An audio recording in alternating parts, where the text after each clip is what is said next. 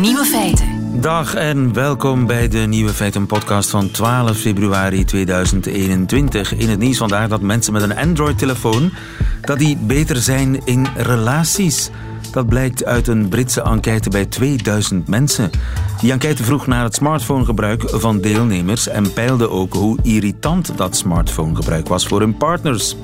En wat blijkt, mensen met een iPhone die hebben veel meer irritante gewoontes dan mensen met een Android-telefoon. Neem nu op je telefoon kijken tijdens het eten. 64% van de iPhone-gebruikers doet dat, tegenover slechts 42% van de Android-gebruikers.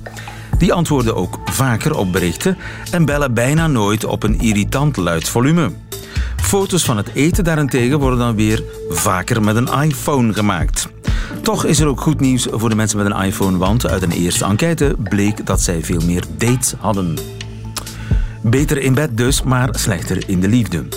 Schrale troost als je het mij vraagt. De andere nieuwe feiten. De houten lepel ligt onder vuur na een viraal filmpje over de viezigheid die uit zo'n lepel komt. Onze rivieren die zitten vol vervuild DNA. Sander van Horen kijkt met Nederlandse ogen naar de witte konijnen in de Belgische politiek. En de nieuwe feiten van Hugo Matthijssen hoort u in zijn middagjournaal. Veel plezier. Nieuwe feiten. Zwerf-DNA. Onze rivieren zitten er kennelijk vol mee en dat is niet zonder gevaar. Dat zegt de Zwitserse onderzoeker David Weisbrood. Goedemiddag, David. Goedemiddag. Je bent onderzoeker aan de Technische Universiteit van Delft en volop Nederlands aan het leren. Dit is uh, je debuut op de radio. In het Nederlands. Af en toe een woordje Duits is geen enkel probleem hoor, David. Wij verstaan alles. Nu, uh, zwerf-DNA, wat is dat? Is dat eigenlijk een soort afval? Ja, zo afval-DNA is al het rest uh, DNA dat in ons riool terechtkomt. We kunnen zeggen dat uh, DNA is niet alleen een bron van leven, maar het is ook een bron van vervuiling. En waar komt dat DNA vandaan? Deze afval-DNA uh, kan van verschillende plekken komen van de industrie, van ziekenhuizen, landbouw, maar ook uh, van het huis. Nu we hebben een nieuwe technologie met CRISPR om GGO's, genmodificatie, te doen. En je kan dat met het huis doen met CRISPR-Cas uh, kits op de keukentafel. Het is dus vervuild DNA dat eventueel zelfs afkomstig kan zijn van de keukentafel. Zijn er mensen die thuis aan de slag gaan met genetische modificatie? Ja, u kunt uh, genmodificatie te huis doen en het is een... Uh, een, een community, een biohacker community. En uh, u kunt uh, geen modificatie te huis doen. Ik weet niet waarom, voor welke uh, Dat zijn freaks die dat doen, biohackers. Ja, inderdaad, als met computers ook. Ja. ja. Dus het gaat eigenlijk om genetisch gemodificeerd DNA dat in ons afvalwater terechtkomt. Inderdaad, zo na de uh, industriële biotechnologie, uh, we gebruiken uh, sterilisatie met hitte en hoge druk. Maar ook, het is niet genoeg om alle DNA-resten te ver verwijderen. We hebben experimenten gedaan met verschillende sterilisatie. En we hebben gezien, ja, de organismen gaat inactiveerd, maar DNA-resten blijven. Ja. En dan, deze fragmenten kunnen in de riool terechtkomen en daarna in het rioolwaterzuiveringsinstallaties. Ja, ja. En uh, wat is de belangrijkste bron van dat vervuild DNA, van die genetisch gemodificeerde DNA-resten? Is dat de farmaceutische industrie? Het is een bron, ja. Uh, in de farmaceutische industrie uh, we gebruiken de uh, GGO's, micro-organismen, om nuttige stoffen te produceren. Antibiotica, maar ook andere stoffen. Maar na de productie, we moeten deze organismen inactiveren. En het zijn um, sterilisatie om te inactiveren. Maar dan, we weten niet wat het met het DNA gebeurt daarna. En wie onderzoeken dat. Ja, en dus dat vervuild DNA overleeft als het ware de sterilisatie. En we weten niet hoe zich dat zal gedragen in de natuur. Inderdaad, deze fragmenten van DNA kunnen uh, tot bacteriën uh, geïntegreerd uh, zijn. So, bacteriën zijn fascinerend in de natuur. Ze kunnen DNA-fragmenten overdragen en zijn verschillende mechanismen om dat te doen. En, maar ze kunnen van cel tot cel DNA en antibiotica-resistentie overdragen, maar ook van de milieu, van de omgeving kunnen ze deze DNA-fragmenten opnemen. Oké, okay, dus dat, dat, dat vervuild DNA kan uh, bij wijze van spreken in het huwelijk treden met bacteriën. Ja, so, uh, bacteriën kunnen uh, DNA en nucleic acids uit het milieu uh, afnemen. Ja. En we werken nu met experimenten in het lab om te weten hoeveel van deze DNA-fragmenten gaan van de bacteriën overdracht. Ja, en zo kun je dus nieuwe bacteriën laten ontstaan die misschien antibiotica-resistent zijn. Het kan uh, inderdaad uh, zijn, het klopt. Maar uh, we weten dat nog niet. We willen dat testen. Of het het geval is, dan hebben we een probleem. So, we werken samen met de RIVM. So, het is de Rijksinstituut voor... Bij ons heet dat Cienzano. In Nederland is dat de RIVM. Jullie werken daarmee samen om te onderzoeken of dat geen gevaar oplevert, dat zwerf-DNA in onze rivieren. Ja, inderdaad. Bij RIVM ze doen risicoanalyse en ze gebruiken uh, wetenschapsdata. So, we zullen uh, gegevens uh, opleveren tot RIVM om te weten is het een transfer van deze rest-DNA of afval-DNA in het natuurlijke micro-organisme. Ja, ja. Als het het geval is, dan RIVM moet measures noemen. Maatregelen nemen, ja. uh, want uh, ja, dat, dat uh, genetisch gemodificeerd DNA, dat zwerf-DNA, dat kan in de natuur infiltreren en ja, wie weet welke doos van Pandora je dan hebt geopend. David Weisbrood, veel succes verder met je onderzoek. We wachten in spanning. Goedemiddag. Hartelijk dank. Ja. Nieuwe feiten.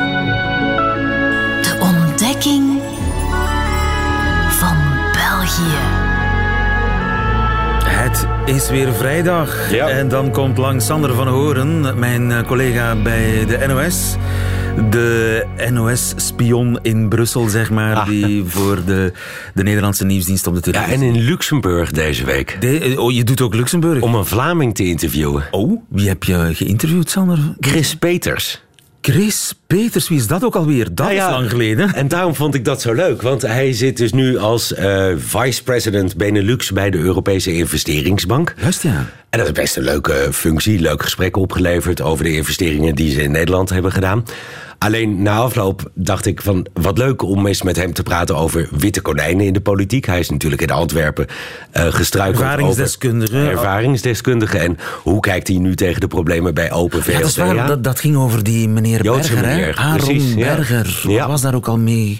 Ja, die bleek van alles misdaan te hebben. Alleen je wil dan zo graag iemand van buiten Ja, nee, die in je wilde, die partij wilde halen. een vrouw geen hand geven. Dat Precies. was de kwestie, ja. Ja, en er was ook iets met fraude, geloof ik. Oei, daar moeten we voorzichtig mee zijn. Ja, Nou ja, dat- goed, ik, ik herinner mij dat niet. Maar in elk geval, nu heb je Open VLD, dus de problemen met die eh, mevrouw.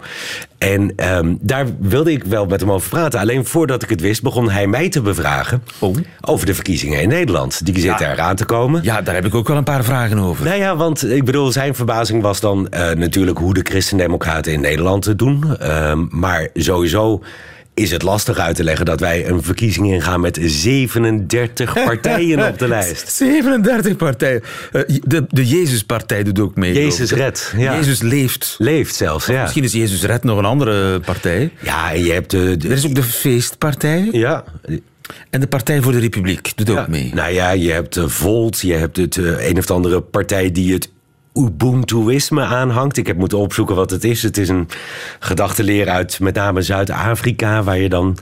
Dus ja, er is nog wel wat te 37, en staan die allemaal op één kiesbrief? Niet overal, maar op de meeste plekken wel. En, een eh, boekje, die kiesbrief. Zo ongeveer wel, ja. Het is Plooien een uit. wat je uit moet plooien, inderdaad. En dan, Ehm, maar de reden dat dat zo makkelijk is, is omdat eh, in België heb je veel meer handtekeningen nodig van tevoren om eh, een lijst in te kunnen dienen. En in Nederland heb je per kieskring, nou dat werkt hetzelfde. Hier heb je de provincies, in Nederland is iets anders geregeld. Maar goed, dan heb je in Nederland 30 geregistreerde mensen nodig, die dus met een lijstje naar het gemeentehuis toe gaan en zeggen: Ik wil dat deze partij officieel op de kieslijst komt. 30. Paspoort erbij, 30. Dus dan kom je met, als je Bonaire meerekent als twintigste kieskring, heb je er iets minder nodig. Kom je iets boven de 500 handtekeningen uit die je nodig, eh, nodig hebt om landelijk mee te doen. In België heb je in de grote kieskringen, Brussel, Antwerpen, West-Vlaanderen, heb je alleen al 500 handtekeningen per kieskring nodig. Dus dat verhoogt die drempel nogal. En vandaar dat het in Nederland ja, makkelijker is om, om mee te doen. Maar Is dat folklore? het is voor een deel folklore. Voor een deel denk ik dat het er ook uit voortkomt dat als je accepteert dat je een representatieve democratie hebt, dan moet je ook wel zorgen dat je representatie kunt eh, claimen. Dus dat je met je partij erin kunt komen. En ja, ik bedoel natuurlijk met een buitenlandse blik, ha ha ha, de feestpartij, wat grappig. Ze hebben ook nog een eigen campagnesong. Maar op die manier zijn de afgelopen periode natuurlijk partijen als Forum voor Democratie, Denk, hè, de eh, Partij voor. voor eh, Ja, nu Ja 21 of JA 21 hoor ik al zeggen. maar nu ook ja. En, maar als je even dat lijstje afmaakt met de Partij voor de Dieren, 50 plus. Juist, ja. dat zijn allemaal partijen die recent in de Kamer zijn terechtgekomen. en daar zijn gebleven. En bestendigd zijn. Ik noem met nadruk nog even niet Forum voor Democratie. Maar dat is natuurlijk ook een partij die vorige keer. Nou, gaan ze het halen? Gaan ze het niet halen? Zijn maar twee mensen in de Kamer gekomen. Dus het heeft ook iets gezonds. Want Dat je ziet dus dat daarmee nieuwe stromingen ontstaan. die in het geval van Forum, PVV. ehm, een serieuze uitdaging kunnen vormen voor de zittende partijen. Nou, vertaal dat naar het Belgische niveau. Hoe gezond zou dat zijn? En je hebt het hier, heb je dat met uh, Diab Abu. Die had ook een, een goal, hoe heet die partij ook alweer met name in Brussel. In elk geval, het is hem niet gelukt. Maar misschien was dat heel gezond geweest. Je weet het niet. Omdat je dan in elk geval ook een manier hebt om die stemmen in het publieke debat te horen. Juist. Dries van Langenhoven, hetzelfde verhaal, heeft zich nu aangesloten bij Vlaams Belang. Wat was er gebeurd op het moment dat hij met Schild en Vrienden een eigen partij en eh, Vlaams en federaal had meegedaan? Wie weet. En misschien is dat wel gezonder. Want nu eh, krijg je dat dat dus ondergebracht wordt bij andere partijen. Maar liever, er is ook nog een ander belangrijk verschil. Zo'n wit konijn. Ja, ik wou even. eh, Bestaat het, witte konijn in Nederland? Nou, dat bestaat. Alleen dan zie je dat eh, als dat leidt tot een scheuring. Nou, en dat leidt het nogal eens. Dat mensen dan zelfstandig verder gaan. Ja.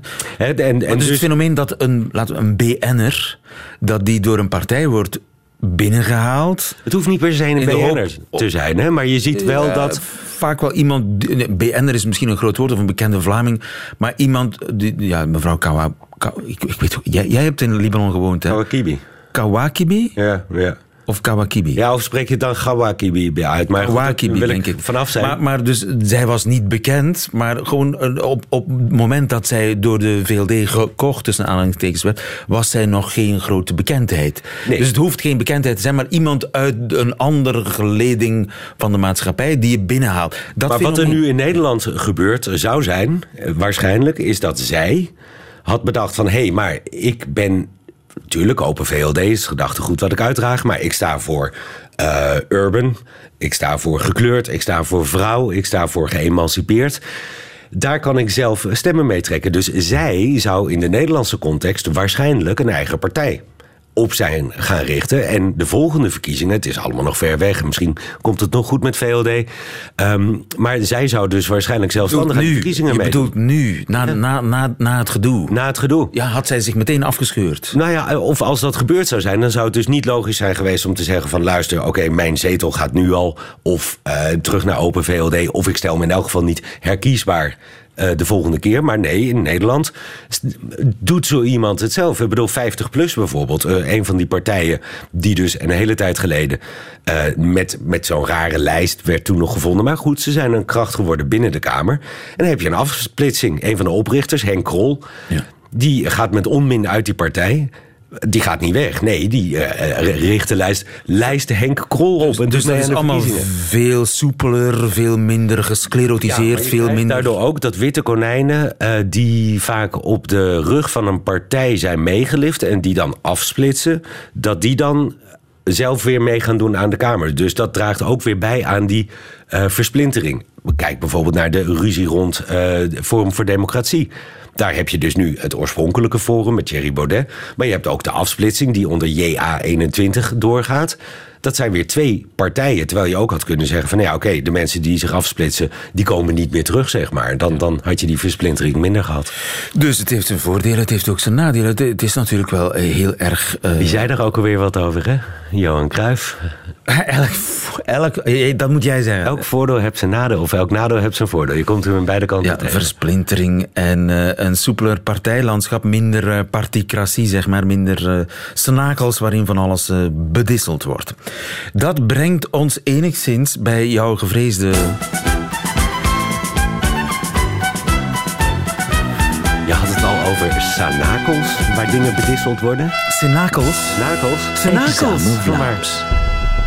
Is Senakel Vlaams? Dat had ik niet eens gedacht. Nee, ja, ik, ik ken het in elk geval niet. Senakel?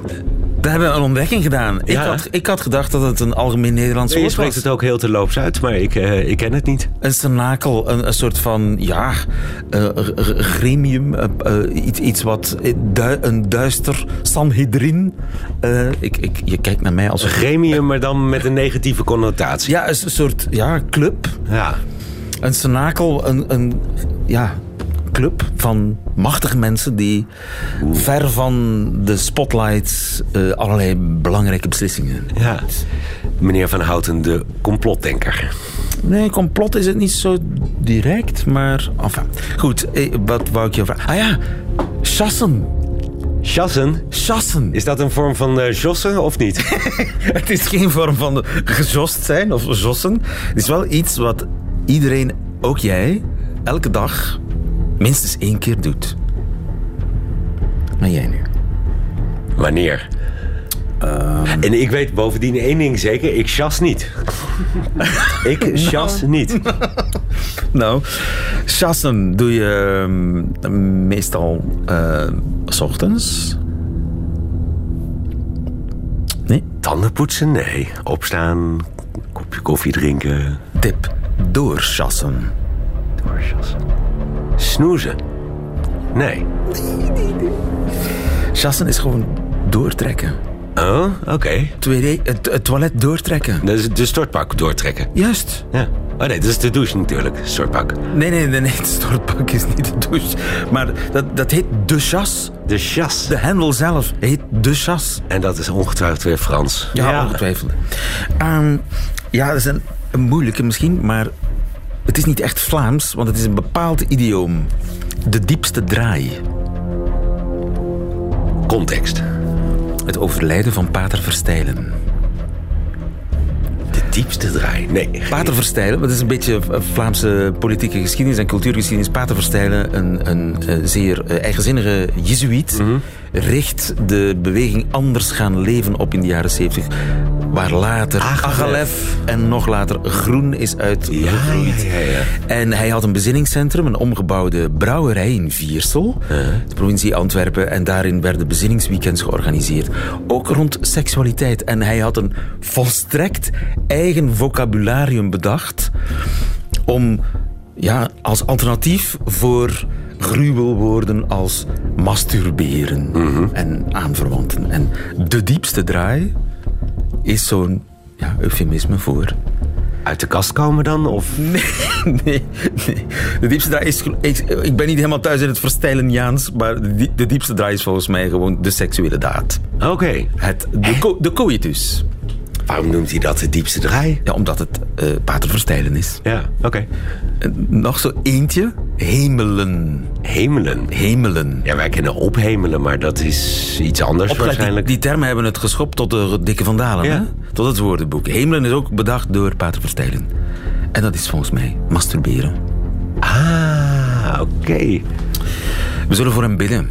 Hmm. Uh, weet je, overigens, dat wou ik nog even vragen, tot slot. Eindtermen. Ja. Dat, dat hebben, jullie in, hebben jullie dat in Nederland ook? Eindtermen? Daar was heel veel discussie over. Wij hebben ze en volgens mij heet dat zelfs hetzelfde, maar dat weet ik niet zeker.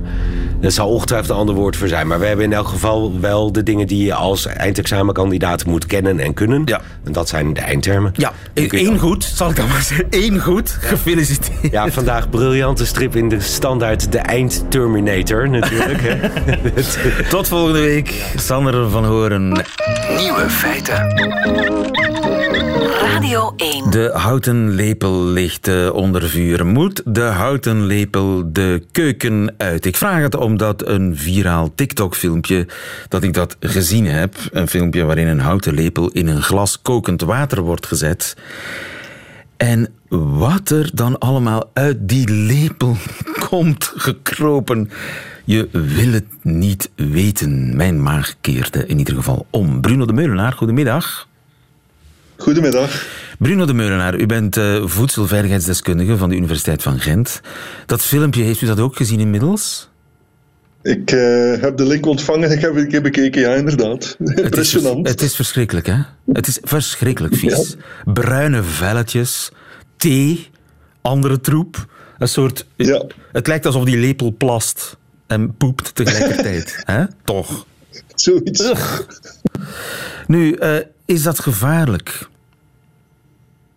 Ik denk het, maar het, het, het ziet er natuurlijk helemaal uh, niet lekker uit. Ik denk niet dat het echt gevaarlijk is. Um, ik denk eigenlijk dat het vooral uh, aantoont dat de gebruiker van die lepel uh, niet zo hygiënisch bezig is in zijn keuken. In, in de zin van, normaal gezien, als je een lepel goed reinigt, ja, dan gebeurt net hetzelfde, maar dan gebeurt dit in het afwaswater natuurlijk. En dan, dat loopt dan, dan wel weg uh, via Ja. de goot.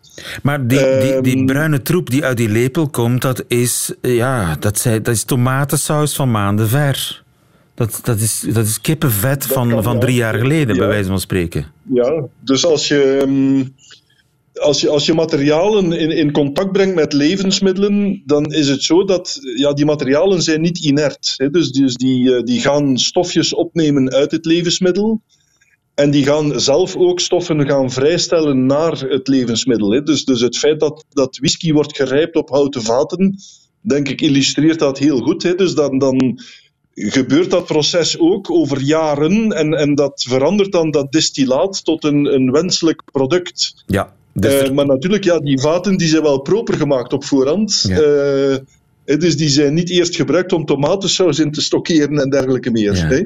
maar is dat ook ehm, geen bron van bacteriën, ziektekiemen? Want ja, eh, voedselvetten kunnen, die zo lang in die lepel hebben gezeten. eh, mijn winkel, maar, maar inderdaad, hè, dus dat, dat zou kunnen. Als je, als je die, die lepel niet voldoende hebt gereinigd, en dan zou ik dan zeggen, eh, steek die een keer of was die goed af met, met heet water, zodanig dat ziektekiemen die daarop zitten, dat die dan niet kunnen overgaan naar een product. Eh, ja, dat, dat zal wel zijn. Nu, als, als er daar een, een microbe op zou zitten en die komt dan terecht in een, in, een, eh, in een saus bijvoorbeeld, en je gaat die saus direct opeten, ik denk niet dat dat een probleem is. Hè? Omdat ja, die bacterie, als dat maar één beestje is, bij wijze van spreken, daar ga je niet ziek van worden. Als je natuurlijk die saus dan eh, voor langere tijd gaat bewaren, ja, dan kan dat ene beestje kan zich gaan multipliceren. En dan kan dat weer wel gevaarlijk worden. ja, hè? ja, dus dat, dat kan wel. Maar mm, terug, het begint bij, bij een, een, een elementaire hygiëne in het begin. In de zin van, ja, als je die lepel hebt gebruikt, reinig die goed, spoel die een keer goed af, desnoods met kokend water.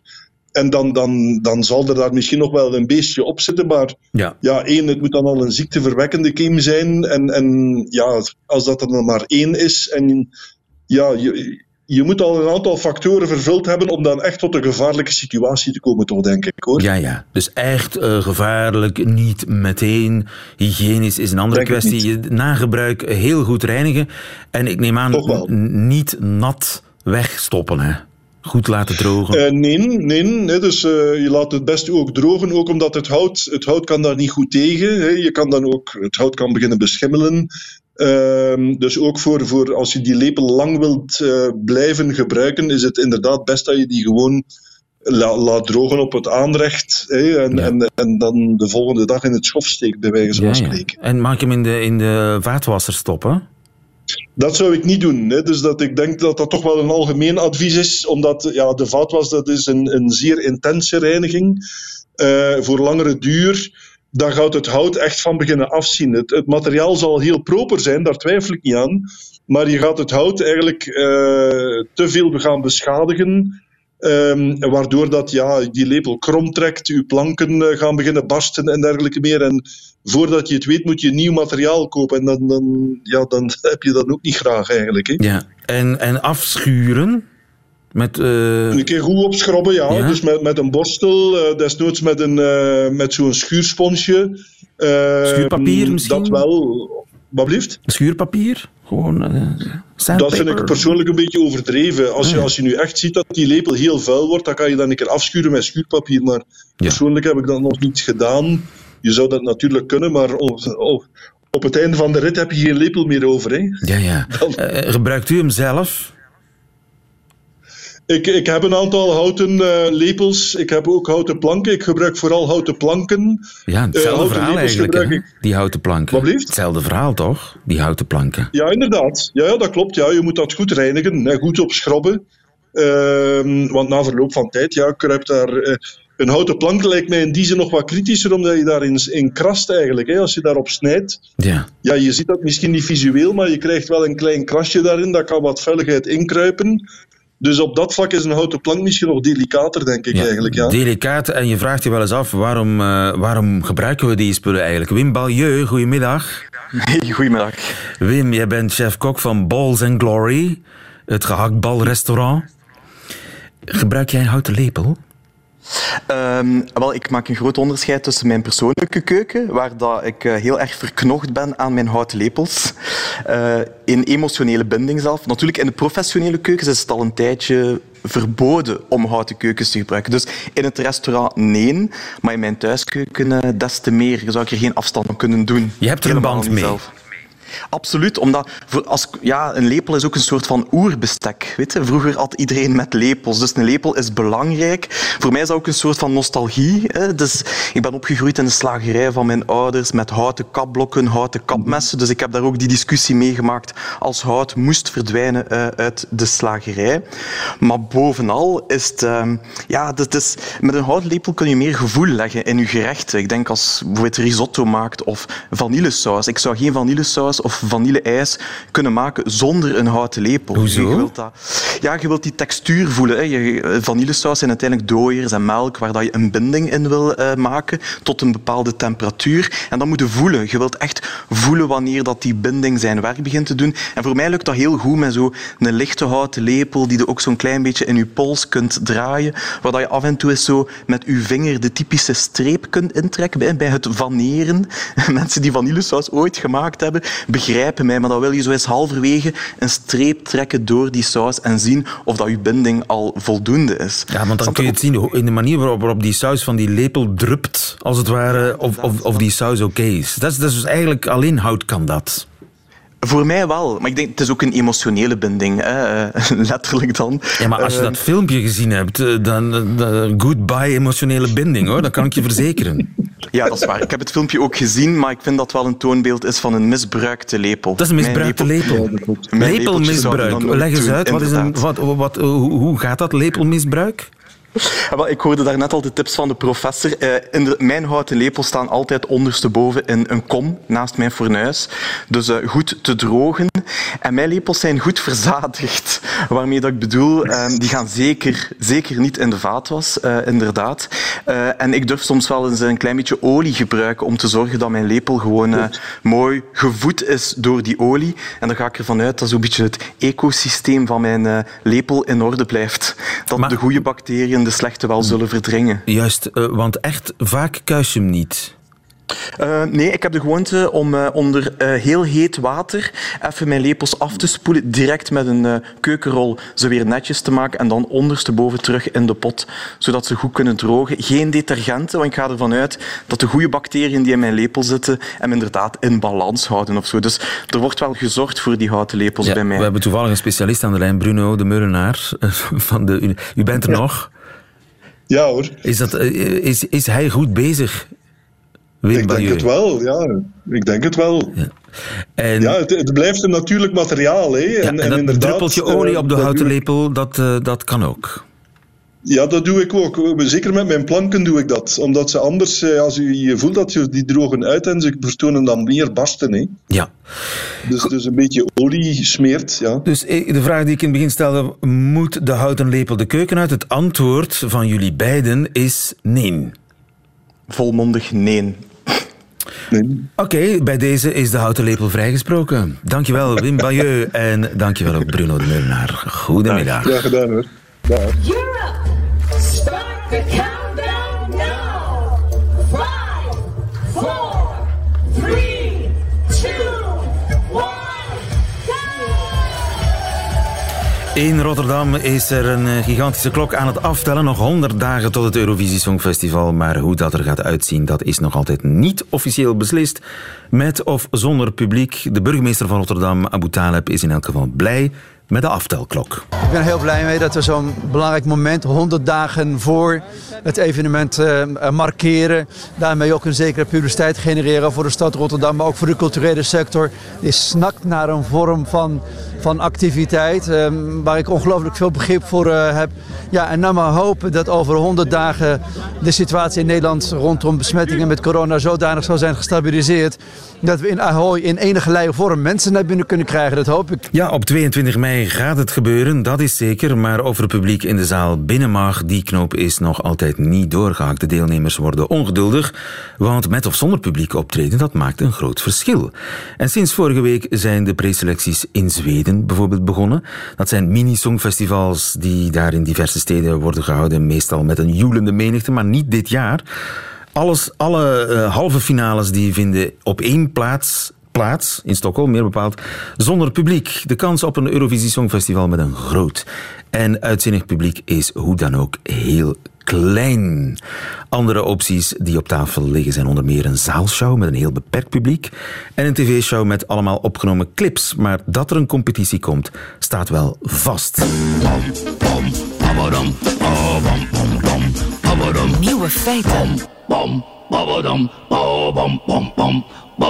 Dat waren ze, de nieuwe feiten van eh, vandaag 12 februari.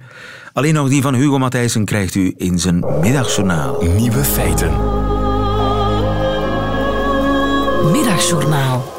Via via kreeg ik de vraag of ik iets wou doen ten voordele van tram 7. Dat is een Antwerpse tramlijn die afgeschaft dreigt te worden. Ik wou daar eigenlijk niet op ingaan om twee redenen. Tram 7 rijdt naar het eilandje. Dat is een plek waar alleen maar hipsters rondhangen.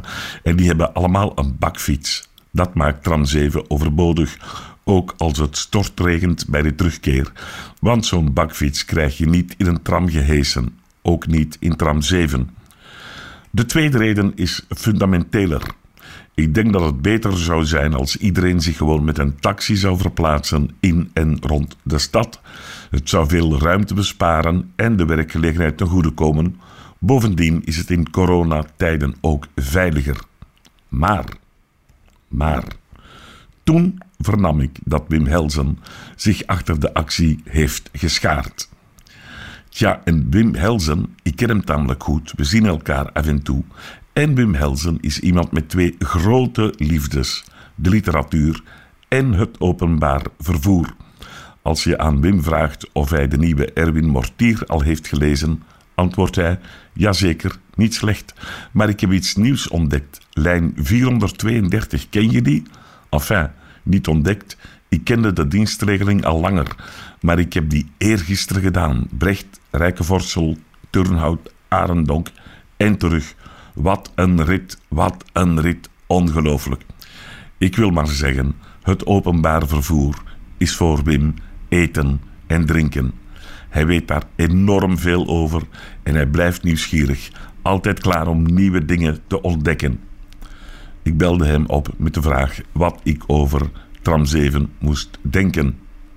Hij zei eenvoudig: morgen 10 uur, tramhalte Oude God. Daar zaten we dan op tram 7. Kijk en geniet, zei Wim. En af en toe zei hij nog eenvoudige dingen als: Dit is het Pulhof. Ooit een meisjesschool waar bewezen werd dat intellect en erotische uitstraling perfect kunnen samengaan. Of Berchem-Kerk, waar Pieter Breugel de Oude tijdens de begrafenis van een oom een kind verwekte bij zijn achternicht achter een pilaar. En ook de Katelijnenvest, waar Willem Elschot de typemachine kocht waarop lijmen het been werd getikt. En zo ging dat maar door. Toen kwamen we aan de eindhalte, het MAS. Dat is een museum waar een hoop rommel te zien is, in feite een kringloopwinkel, maar dan met alle spullen achter een vitrine. Maar het feit dat de sympathieke tram 7 even tot adem kwam, in de schaduw van die hoop tamelijk zorgvuldig op elkaar gestapelde bakstenen, gaf het gebouw een nieuwe kleur, een nieuwe warmte. En toen moest de terugtocht nog beginnen, waarbij Wim mij opnieuw van zijn onmetelijke paratenkennis liet meegenieten. De Boerentoren, een gebouw van meer dan 400 verdiepingen, waarvan 26 boven de grond. De Boer van Tienen, een café waar Tom Baarman ooit tot diep in de nacht danste met Wouter Beke. De Belgielei, waarnaar ons land is genoemd en niet omgekeerd. Zo ging dat maar door. Wat een ervaring. Ik kon er alleen maar stil bij blijven en heel zacht, maar gemeend en feilloos rijmend mompelen: Alsjeblieft, geef tram 7 het eeuwige leven. Dank u.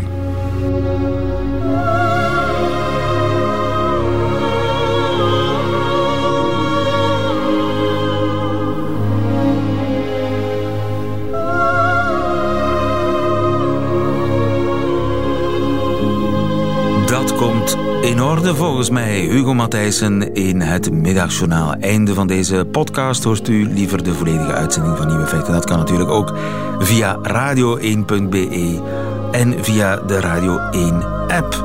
Tot een volgende keer.